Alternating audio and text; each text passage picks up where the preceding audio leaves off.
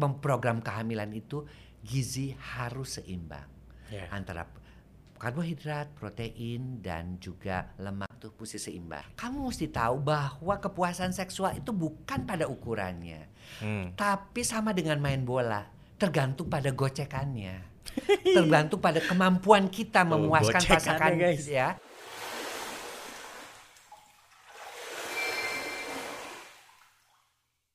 Halo teman-teman, balik lagi di Laut Untuk Semua Podcast. Kali ini kita sudah kedatangan salah satu dokter, aktor, dan juga seksolog top of mind di Indonesia. Please welcome Dr. Boyke. Terima kasih Azim dan juga pecinta podcast laut Untuk untuk, semua. semua, Betul, Dok. tentunya ya. Eh karena memang laut untuk semua lah. Iyalah, semua jelas. termasuk untuk masyarakat Indonesia karena laut itu lebih besar daripada daratan Betul, kan. di 70% Indonesia. 70%. di Indonesia. Nah, dok, sebelumnya pas aku undang ke sini, aku sempat baca-baca. Sekalian mau make sure nih. Dokter tuh dulu sebelum masuk kedokteran di UI, sempat kuliah jadi eh, teknologi industri di ITB. ITB, Itu iya, benar, dok? Benar. Jadi gini, dulu tuh kan tahun 75 tuh kita bebas ya. Hmm. Jadi pertama kali eh, dokter masuk itu justru di Fakultas Kedokteran UNER. Oke. Baru dua hari, ti- tiga hari di sana mau di Mapram ya udah di, wow udah dikata-katain dengan bahasa Jawa. Kan saya nggak bisa, Iya. bukan bukan orang Jawa, jadi saya nggak ngerti lah. Kemudian dipanggil di ITB, saya balik lagi ke ITB.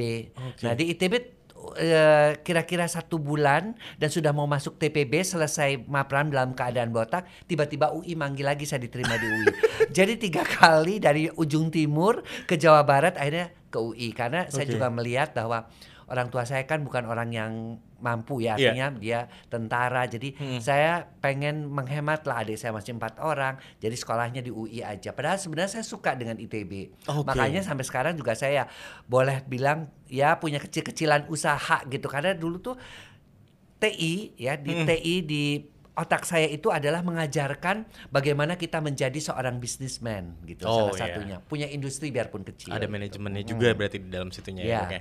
Tapi eh, salah satu yang fakta yang menarik lainnya adalah sebenarnya Dokter Boyke juga tertarik dengan eh, ten- edukasi dan pengajaran. Iya. Karena yang saya baca juga dokter di Lampung sekaligus Hmm. eh, praktek tapi juga ngajarin Iya. kimia sama kimia Sama bahasa, bahasa Inggris. Inggris. ya karena dulu itu waktu di puskesmas kan eh, dokter tuh sedikit apa guru tuh sedikit Iya. ya yang nggak ada tuh selalu guru bahasa Inggris guru-guru yang susah Yang di pedalaman Nah, ya. daripada saya setel selesai puskesmas jam 12 jam 1 kan selesai ngelayanin Hmm. pasien saya kemudian mesti bengong nggak ada listrik nggak ada air nggak ada pasar pasar cuma hari Selasa sama Oke. Kamis jadi saya lebih baik saya baktikan untuk mengajar. Dulu masih ingat saya dibayar lima ribu rupiah namanya uang sabun sebulan.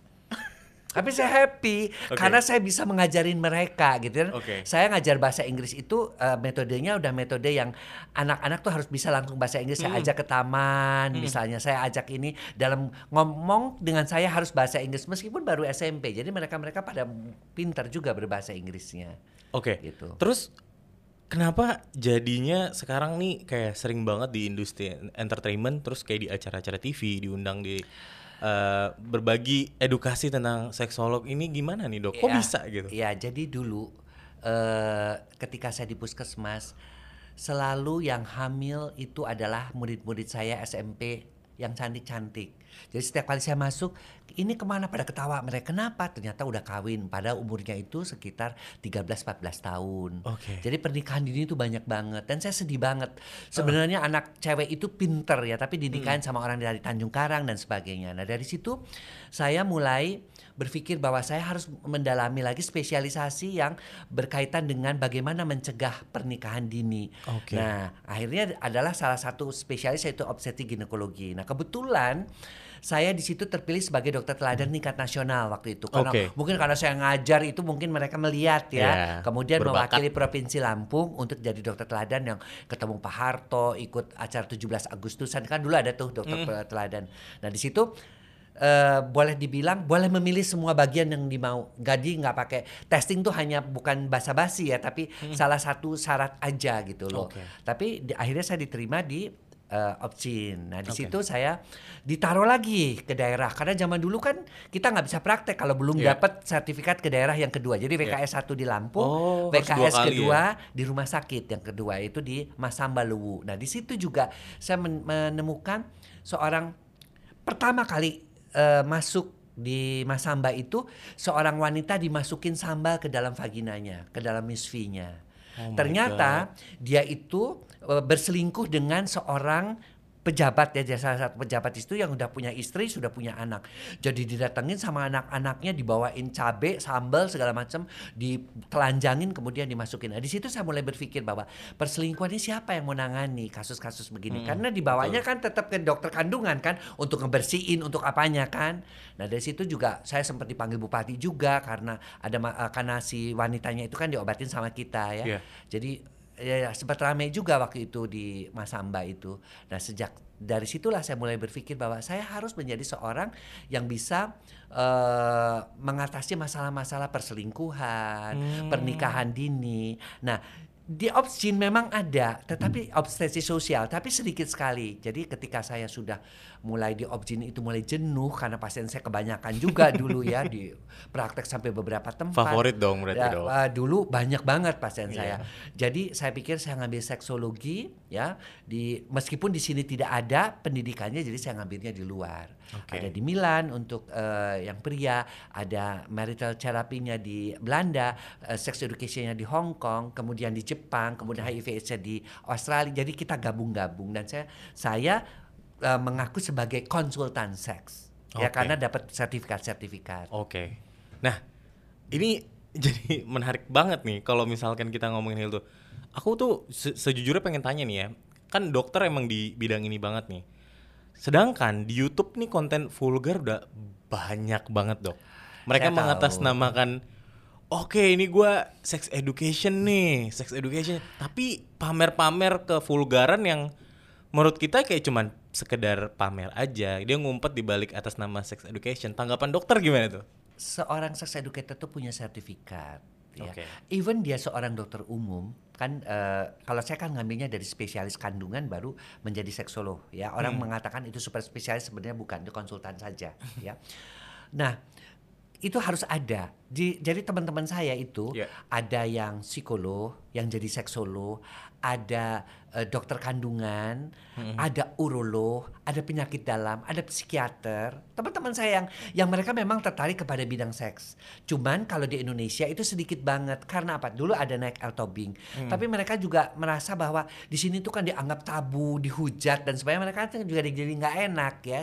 Jadi kalau saya yang mendalami itu dengan harapan bahwa saya bisa memberikan pendidikan. Jadi kita tuh ada sertifikat-sertifikat, ada kita perkumpulannya gitu. Nah, mereka-mereka yang merasa sebagai sex educator ya tentunya harus ada latar belakang dulu Iya. sebagai apa dan ada pendidikannya di mana gitu loh. Iya sih, jadinya Nah, Anak kalau muda. jadi mereka bisa mengatakan begini, mereka melakukan misalnya hubungan seks atau uh, fun dengan itu, terus, terus mereka menceritakan pengalamannya Iya. di dalam YouTube. Itu bukan sex educator, itu hanya pengalaman sex experience, beda. Iya. Ya kalau sex educator itu harus ada latar belakang. Pertama, dia harus menguasai dunia medis, Hmm. psikologi, hukum, sosial dan dia harus bermoral ya. itu beragama, bermoral. guys. Jadi itu yang membedakannya. Kenapa? Nggak bisa dokter mengatakan meskipun dokter belajar di luar negeri dan mengatakan bahwa eh, seks itu merupakan hak ajasi manusia, tapi ketika kembali ke Indonesia, kita sepakat bahwa sebagai seorang seksolog itu kita harus mengikuti budaya, norma dan agama yang berasal kita di mana kita berasal. Jadi nggak bisa kita menceritakan dengan ketawa-ketawa kita berhubungan seks dengan orang lain begini nggak bisa. Kita ada ada nilai-nilai etika. Ya. Kita punya nilai-nilai agama yang kita sampaikan aja. Meskipun profesor saya ya Profesor Kohn itu ketika anaknya mau pergi camping, don't forget your condom ke anaknya begitu kan. Kita kan nggak mungkin ke anak kita begitu ya. Iya. Dan saya bilang, saya eh, di Indonesia ini berbeda. Beda kita culture punya ya? aga- agama, beda culture. Nah, waktu itu juga eh, Profesor eh, Coleman mengatakan kita harus mem- mem- mem- apa, me- menerima dan mempopulerkan mengenai LGBT. Saya bilang, saya Malaysia beberapa ini kita menolak petisi itu karena Ya. kita punya culture Berbeda, sendiri, hmm. berbeda. Kita punya agama yang melarang. Oh, oke, it's oke, oke. Dan mereka terbuka gitu loh dengan dengan dengan pendapat-pendapat perbedaan-perbedaan itu eh, tidak masalah, tapi ada pendapat dari mereka itu. Dia mengatakan bahwa kamu tidak boleh mem- apa me- mendiskriminasi orang-orang minoritas. Oh iya. Saya dia seorang gay kayak dia seorang lesbian kayak berobat kepada saya saya treatment dengan yang dengan baik karena banyak juga mereka justru dimaki-maki sama dokternya dimarah-marahin karena mereka itu eh, seorang gay dan seperti itu ya malah di apa disinisin dan kita tidak boleh Iya. karena kita mendapatkan pendidikan mengenai masalah itu gitu. Oke. Nah, di dokter nih sebagai yang bidang medis terus juga udah tadi sempat dimention stunting di laut untuk semua ini sebenarnya kita juga fokus gimana caranya kita bisa merevolusi protein sehingga em, semua yang rakyat-rakyat pedalaman terutama yang nggak tahu ya ini untuk anaknya gimana nih untuk besarnya kayak Iya. mungkin kurang asupan. Nah, Nah, ini gimana dok? saya sedih banget loh ya dengan stunting ini. Justru saya seneng apa? Saya mengharapkan bahwa kelautan ini ya Departemen Kelautan khususnya ini bisa membantu untuk mengatasi stunting. Karena ini kan akan menentukan generasi kita yang akan Ya, datang. betul. Bayangkan di Indonesia itu ada beberapa tempat yang saya datangin untuk discuss stunting dengan bupati ya, dengan eh, dokter-dokter objin di sana, dengan Ya. dengan eh, KB ya, PLKB dan sebagainya itu sampai angkanya tuh mencapai hampir separuhnya. Gak usah jauh-jauh, Garut saja. Eh, di Garut saja itu angkanya juga di atas 30% itu untuk Oh stuntingnya. Anda bisa bayangkan seseorang yang akan mengganti menjadi pimpinan-pimpinan kita, menjadi pengganti generasi kita dengan keadaan yang satu karena stunting itu kan akan mengakibatkan gangguan intelektual, gangguan juga motorik dan juga mereka lebih mudah terserang penyakit, apakah itu kanker dan imunitasnya jauh lebih menurun. Padahal kuncinya adalah bahwa salah satu kuncinya adalah mereka kekurangan protein. Sementara laut kita begitu luas, sumber protein laut itu begitu ada di Indonesia ini ya yang seharusnya bisa terdistribusi kepada eh, mereka-mereka Yang membutuhkan. yang membutuhkannya termasuk ya keluarga-keluarga orang-orang di- yang di laut. Contohnya, saya ke Pangandaran waktu itu. Ya. Saya lihat eh, mohon maaf ya, eh, bukan saya eh, Menjatuhkan. menjatuhkan. Saya lihat oh ikan-ikan itu bagus-bagus. Saya bilang, aduh ibu ikannya berapa? Saya juga malah mau, mau beli bakar ikan kan. Tapi anda bisa bayangin nggak anaknya yang di pangku ya, yang ibunya makan apa? Mie instan. Oh my god. Bukan makan itu. Saya bilang, kenapa Anda makan ini? Habis anaknya nggak mau makan, maunya ma- makannya mie instan. Nah, salah kan? Artinya mereka tidak tahu bahwa makanan bergizi itu di mana gitu loh. Nah, ini juga saya harus ngomong sama para ahli gizi nih. Ya, Ya. jangan mau mereka tuh tinggal di Indonesia, eh tinggal di kota-kota besar. Mereka harus mau ke daerah-daerah. Mereka harus mau eh, apa eh, memberikan penyuluhan tentang eh, makanan-makanan bergizi ini. Sekarang otomatis orang-orang ahli gizi ini terkonsentrasi di daerah apa di pusat-pusat eh, kota ya mereka lebih berurusan dengan pengurusan berat badan lah, diet ala inilah, diet, Ya. diet ala ini padahal mereka yang justru dibutuhkan adalah bagaimana mereka itu bisa memberikan penyuluhan, mereka bisa memberikan pengertian kepada masyarakat tentang makanan-makanan yang bergizi. Ya, berarti memang eh, yang paling dibutuhkan dari kalau nggak salah se, seri- serat seribu ya, seribu kehidupan pertama ya Iya. kalau nggak salah. Seribu hari pertama itu adalah dari umur sampai dua tahun itu adalah eh, apa penentu apakah seseorang ini akan mengalami stunting atau mereka akan melewati masa ini dengan baik. Oke. Ya, itu yang itu yang kita kita perlukan. Ingat loh, Jepang itu ya pinternya karena mereka banyak ikan. Makannya juga ikan mentah pun dimakan. Mereka pintar-pintar semuanya. Mereka lebih eh, apa lebih mudah beradaptasi, mereka lebih mudah berdisiplin, kemudian IQ mereka, umur mereka juga panjang-panjang karena mereka makan ikan, ikan dan ikannya adalah ikan laut omega 3, omega 6, omega 9 dengan segala macam protein-protein kelebihan-kelebihannya dibandingkan dengan protein dari sapi daging merah. itu hanya merusak pembuluh-pembuluh darah. Lemak jahatnya lebih banyak. Tapi Jauh kalau lebih baik jauh lebih baik adalah ikan dan ikan itu harus ikan laut. Ya. Menarik sih dok ini. Semoga pesan ini tersampaikan ya buat teman-teman yang lagi punya buah hati yang benar-benar masih harus dibimbing lagi MPASI dan lain-lain. Nah, kalau udah ada dokter boy ke sini, ini nggak menarik kalau misalkan kita tidak ngomongin tentang Masalah seksolognya seks, ini. ini kita udah menghimpun beberapa pertanyaan Oke. dari tim-tim eh, laut untuk semua ini. Jadi kan kadang kita tuh dari makanan ya segala hal kayak tubuh kita sehat dan lain-lain tadi stunting aja dari makanan.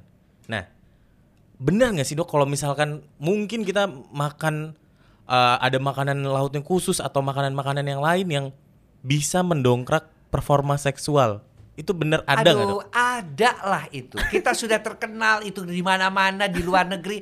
Kalau kita para para seksolog itu be- eh, apa eh, ketemuan, Iya. makanya selalu oyster, oyster, oyster itu Oh. kerang. Iya, dan iya, dan iya. mereka mengetahui kita sudah buktikan bahwa kerang itu memang mengandung zinc yang tinggi.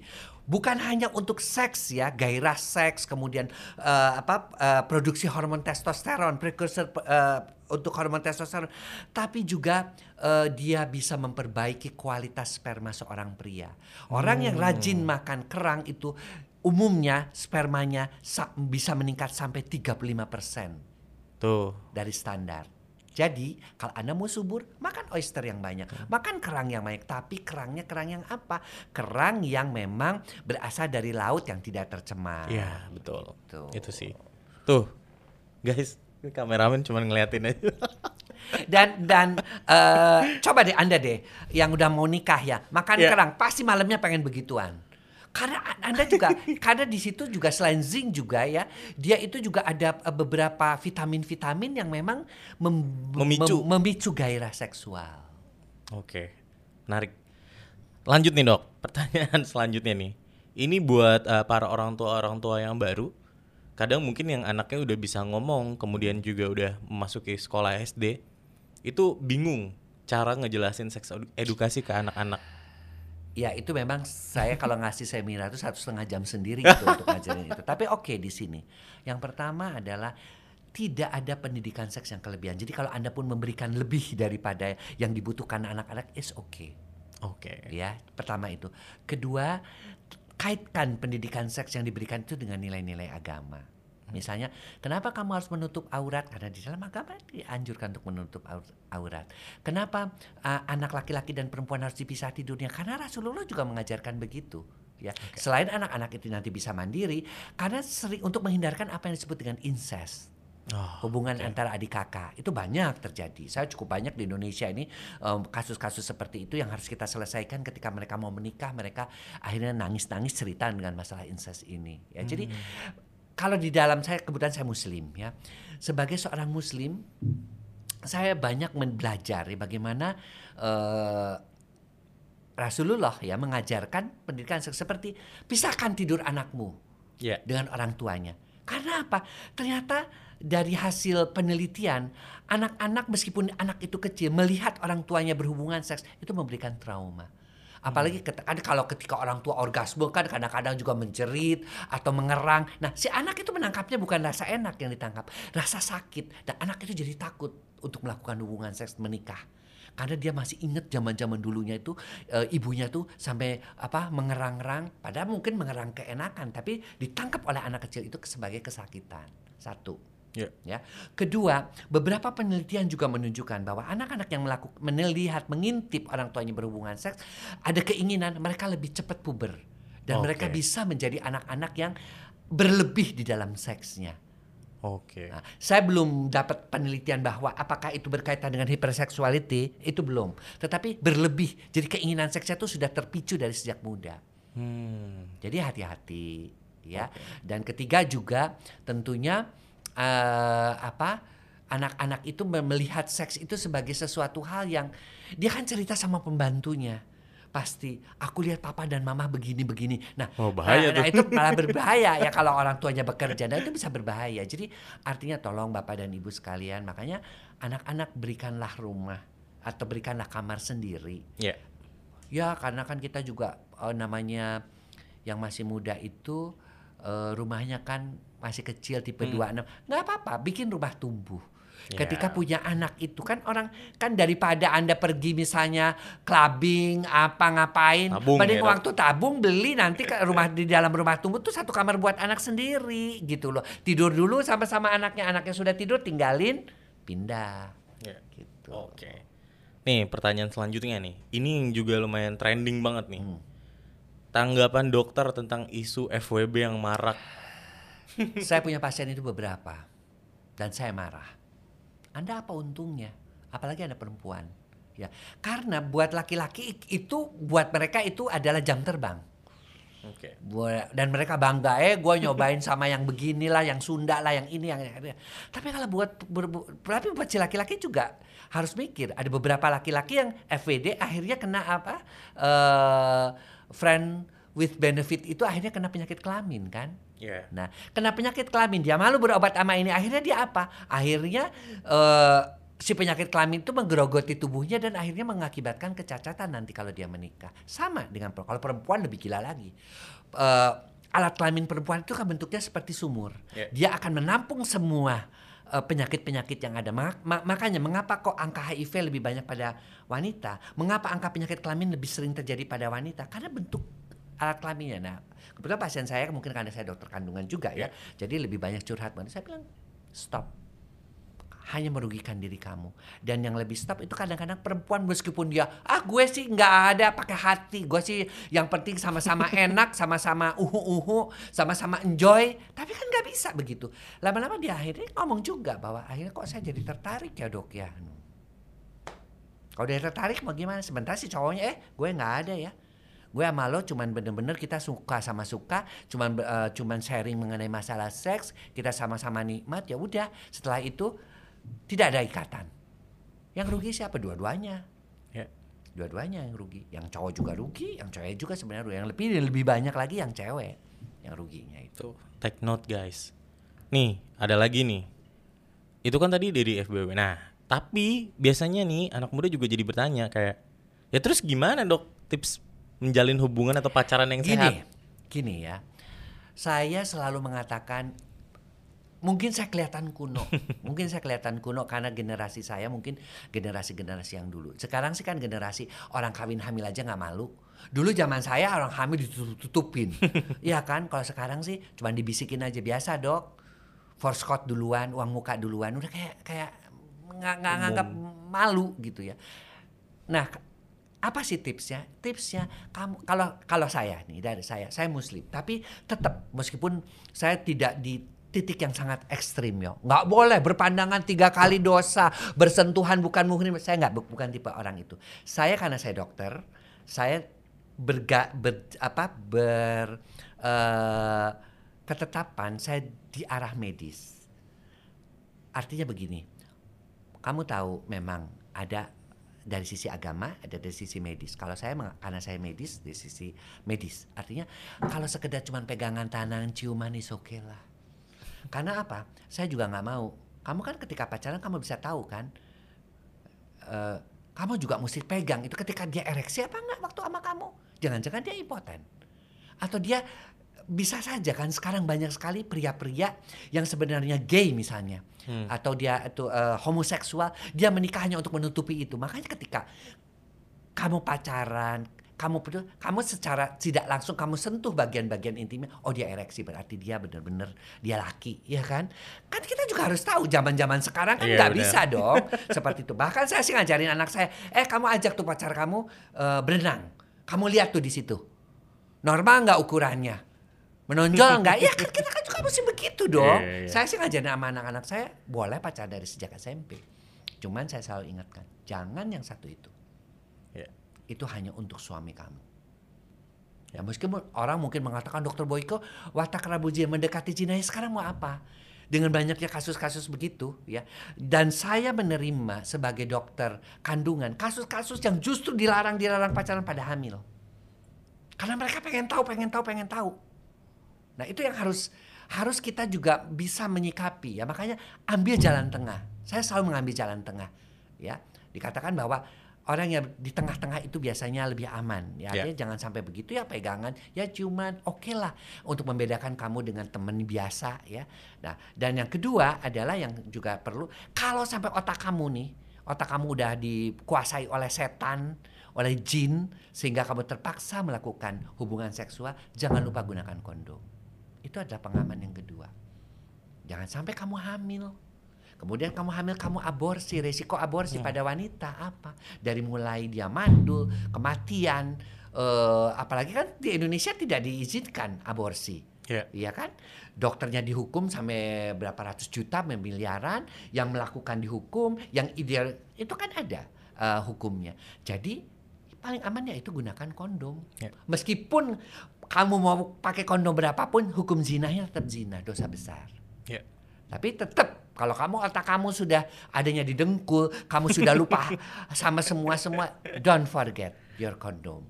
Yeah. Saya setuju kalau itu dengan eh, ketika saya mengikuti eh, pendidikan seks di eh, Perancis ya, kita discuss dengan teman-teman dari Hawaii, dari mana Dari juga sisi kesehatan dari sisi ya. kesehatan seperti itu. Oke. Nih, Dok, ada juga nih pertanyaan kayak gini. Buat biasanya cowok nih, ada nggak makanan tertentu yang mempengaruhi ukuran alat Oh kelamin? enggak ada. Ukuran tuh kamu harus bisa terima sebagai orang Indonesia, sebagai orang Indonesia, sebagai orang Asia, memang ukuran kita paling eh, mini dibandingkan dengan yang lain. Kamu bandingkan dengan Rusia misalnya ya, atau dibandingkan dengan orang-orang ras eh, Eropa. Kita dibandingkan dengan ras Timur Tengah. Asia yang memang paling kecil, tapi kamu mesti tahu bahwa kepuasan seksual itu bukan pada ukurannya. Hmm. Tapi sama dengan main bola, tergantung pada gocekannya. tergantung pada kemampuan kita Tuh, memuaskan gocekannya, pasangan ya. Tergantung bagaimana kita menyentuh titik-titik erogen pasangan kita. Tergantung sebagaimana eh, pengetahuan-pengetahuan kita tentang titik-titik erogen pasangan kita. Tergantung seberapa cinta pasangan kita kepada kita. Iya. Kemudian tergantung juga sebagaimana bernafsunya kita kepada dia. Itu sangat tergantung. Ya. Tuh, terjawab ya langsung dari Dokter Boyke. Kalau mau digedein, oke, saya juga belajar di Italia waktu itu Waduh. mengenai bagaimana membesarkan penis tetapi dengan operasi, di mana lemak-lemak perutnya dipindahkan ke situ. Oh. Ya kemudian eh, ligamentum atau pe- penunjang penisnya ditarik ke ke depan. Saya ada videonya saya dikasih juga, cuman ada satu resikonya. Orang yang diperpanjang penis seperti itu mudah patah penisnya dan mudah Aduh, mengalami gangguan. Saya, saya jadi- tidak mau melakukannya di Indonesia. Ngeri.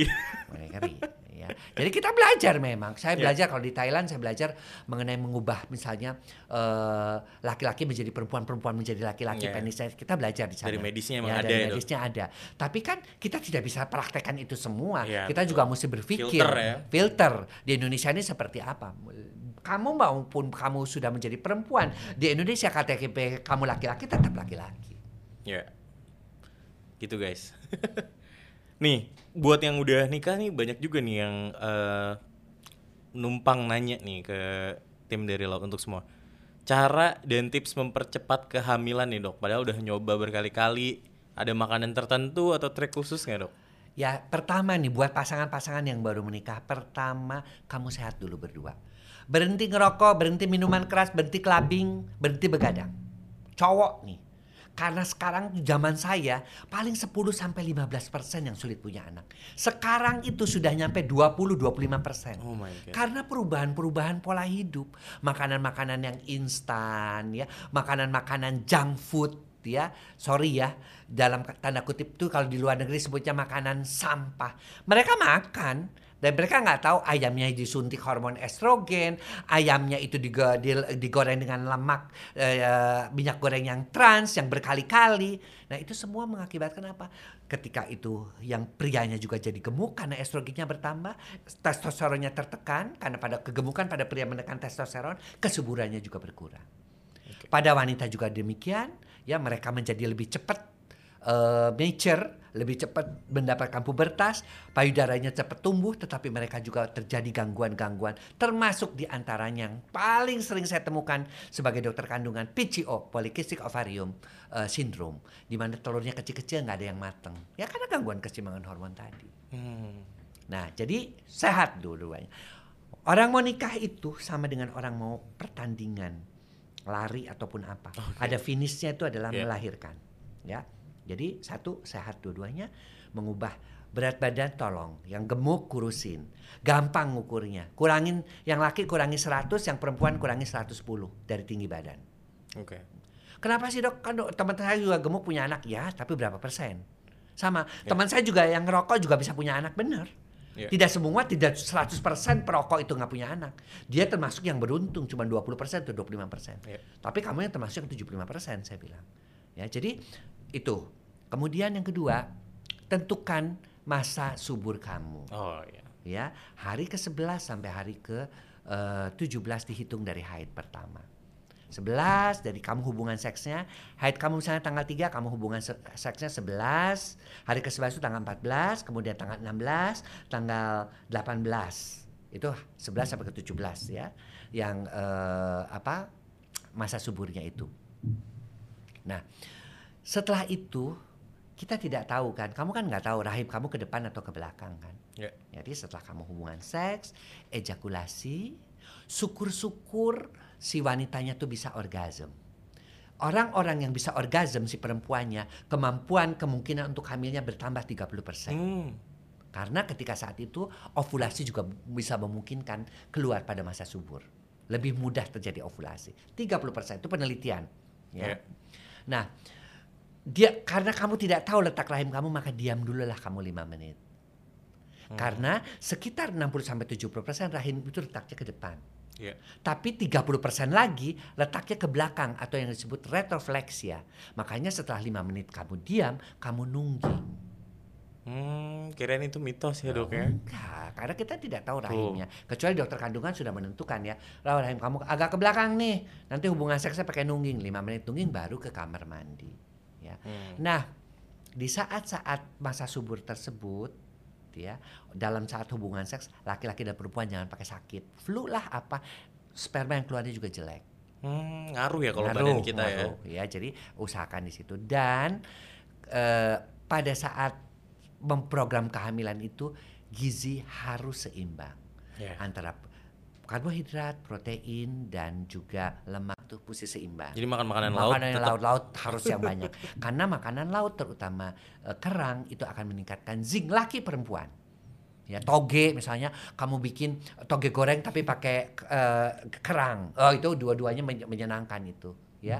Beberapa saya bantu dengan misalnya madu ya. Madu itu juga mengandung eh, ada yang apa selain karbohidrat ada beberapa vitamin-vitamin yang bisa membantu menyuburkan juga. Oke. Wih, menarik banget sih. Nggak nggak susah sebenarnya. Sebenarnya nggak susah ya, Kalau menjalankannya. Menjalankannya itu. Nurunin berat badan berapa lama ya dok ya. Kemudian juga saya juga mesti berhenti ngerokok. Kayaknya susah sih dok. Saya kan orang seniman. Eh udahlah segala macam. Ya sekarang kamu punya anak apa enggak? Nah, Ya, balik cuman- lagi itu ya. Mau nggak? Kalau nggak mau ya udah. Kamu maksa-maksa ke dokter punya anak, tapi kamunya sendiri tidak mau berusaha. Betul. Saya bilang, dokter paling kan ngasih obat-obat perangsang telur. Hmm. Ya, oke saya kasih ini hari ke kamu minum ya hari satu sampai hari eh, setelah hari kelima mens ini untuk supaya telurnya keluar. Tapi kan yang selebihnya pola hidup sehatnya kan tetap tanggung jawab sih tanggung jawab si Iya. laki dan perempuan itu. Ambisinya dari pasangan Nah, tersebut ya dok ya. iya. Oke, dok. Kalau misalkan di eh, laut untuk semua, se- kebetulan aku juga lihat di Instagramnya dokter. Dokter kan lumayan sering traveling nih. Nah, tapi ada nggak kayak rekomendasi wisata laut terbaik versi dokter? Aku paling senang ke Raja Empat karena setiap kali sajiannya adalah makanan-makanan laut dan di situ saya happy happy banget. Mau udangnya gede-gede di Raja Empat itu, kemudian juga cuminya, kemudian ikan bakarnya. Saya bisa cuma makan ikan bakar satu bisa, nggak pakai nasi, pakai kecap aja, pakai itu aja udah enak. Ya, Oke. artinya apa? Artinya laut kita itu luas, makanannya murah. Anda bisa bayangin ke Jepang Anda makan segitu berapa Iya, bener. ribu, berapa ratus ribu yen, ubi aja berapa 40 ribu. Sementara di sini ubi, ubi cilembu, ubi apa Aduh. segitu banyak dan enak-enak. Coba Anda bayangkan, kita itu sudah sangat murah. Makanya saya heran kalau masih ada stunting tuh gimana caranya. Hanya karena mereka tidak mengerti dan mereka tidak mengerti karena zaman-zaman du- zaman-zaman dulu, zaman dokter sampai mau ngajar sampai apa, dokter tuh dipaksa untuk ke puskesmas. Kalau enggak nggak dapat izin praktek. Tapi sekarang kan lihat puskes-puskes banyak yang kosong karena sekarang dokternya eh, mengajukan peninjauan kembali ke apa ke MK ba- bahwa itu diskriminasi mengapa dokter harus mendapatkan eh, itu kan sekarang kan eh, hukumnya kan Iya, demikian iya. akhirnya kalah ya kan Prosesnya ya. pemerintah akhirnya tapi kan akhirnya sedih juga Iya. kita tuh dulu dokter ngajarin seperti saya dulu waktu di di Palas mengapa saya selain ngajar jadi guru saya juga ngajari bagaimana menanam padi gogoranca saya juga menga- mengajarkan eh, masyarakat bagaimana membuat telur asin mengajarkan mereka bagaimana ber-KB dan sebagainya. Tuh kita tuh sudah menjadi bagian dari masyarakat. Dan dulu melakukan itu karena memang kewajiban, Kewajiban. dan setelah itu kita bisa sekolah lagi spesialisasi kita jalankan dengan senang hati. Iya. gitu loh makanya bukan kita me- mengatakan dalam tanda kutip dokter-dokter dulu itu pengalaman di lapangannya jauh lebih besar daripada dokter-dokter sekarang Iya. ya kan karena ya mereka harus terjun langsung ke masyarakat Kondisinya juga. kondisinya juga seperti Oke. itu Terakhir nih dok, buat uh, menutup ini kita tidak terasa udah 30 menitan ngobrol. Eh pertanyaan terakhir biasanya nih semua kita tanyain. Harapan dokter untuk laut dan isinya mungkin di Indonesia apa dok? cintai laut kita jangan sampai diambil oleh eh, apa kapal-kapal asing ya makanya saya seneng banget eh, karena saya dulu juga waktu ke Asmat ke mana kan naik kapal laut dulu naik Banten Ya. ya Eh, melihat laut-laut itu eh, saya kerja sosial. Karena saya suka suka traveling dan suka jalan ke Asmat ke mana naik kapal laut. Dan itu di laut Arafuru juga sempat apa kita lihat ikan-ikan tuh begitu banyaknya. Ya dan itu adalah kekayaan alam kita yang harus kita jaga. Dan kita jaga dan kita harus juga sampai kepada rakyat kita jangan sampai rakyat itu menjual ikan tapi dia tidak bisa memakannya. Jadi juallah sebagian makanlah sebagian. Maka anda anak-anak kita akan menjadi anak-anak yang cerdas dan stunting juga bisa teratasi. Karena salah satu kuncinya adalah makan laut. Seribu hari pertama ibu hamil harus banyak makan ikan. Kemudian seketika sudah lahir ketika dia sudah menda- mendapatkan asi eksklusif 6 bulan kasih makanan laut ikan-ikan di tim dan seterusnya supaya mereka itu juga otaknya berkembang sampai usia lima tahun. Oke, itu sih MPASI ya dok ya. Yes. Oke, terima kasih Dokter Boyko. Seneng banget nih kita udah ngobrolin banyak hal di sini. Semoga eh, bermanfaat buat teman-teman yang nonton di podcast Laut untuk semua. Sekali lagi terima kasih banyak. Sama-sama. Jim. Sampai jumpa di episode selanjutnya Laut untuk semua. Dadah. Dadah.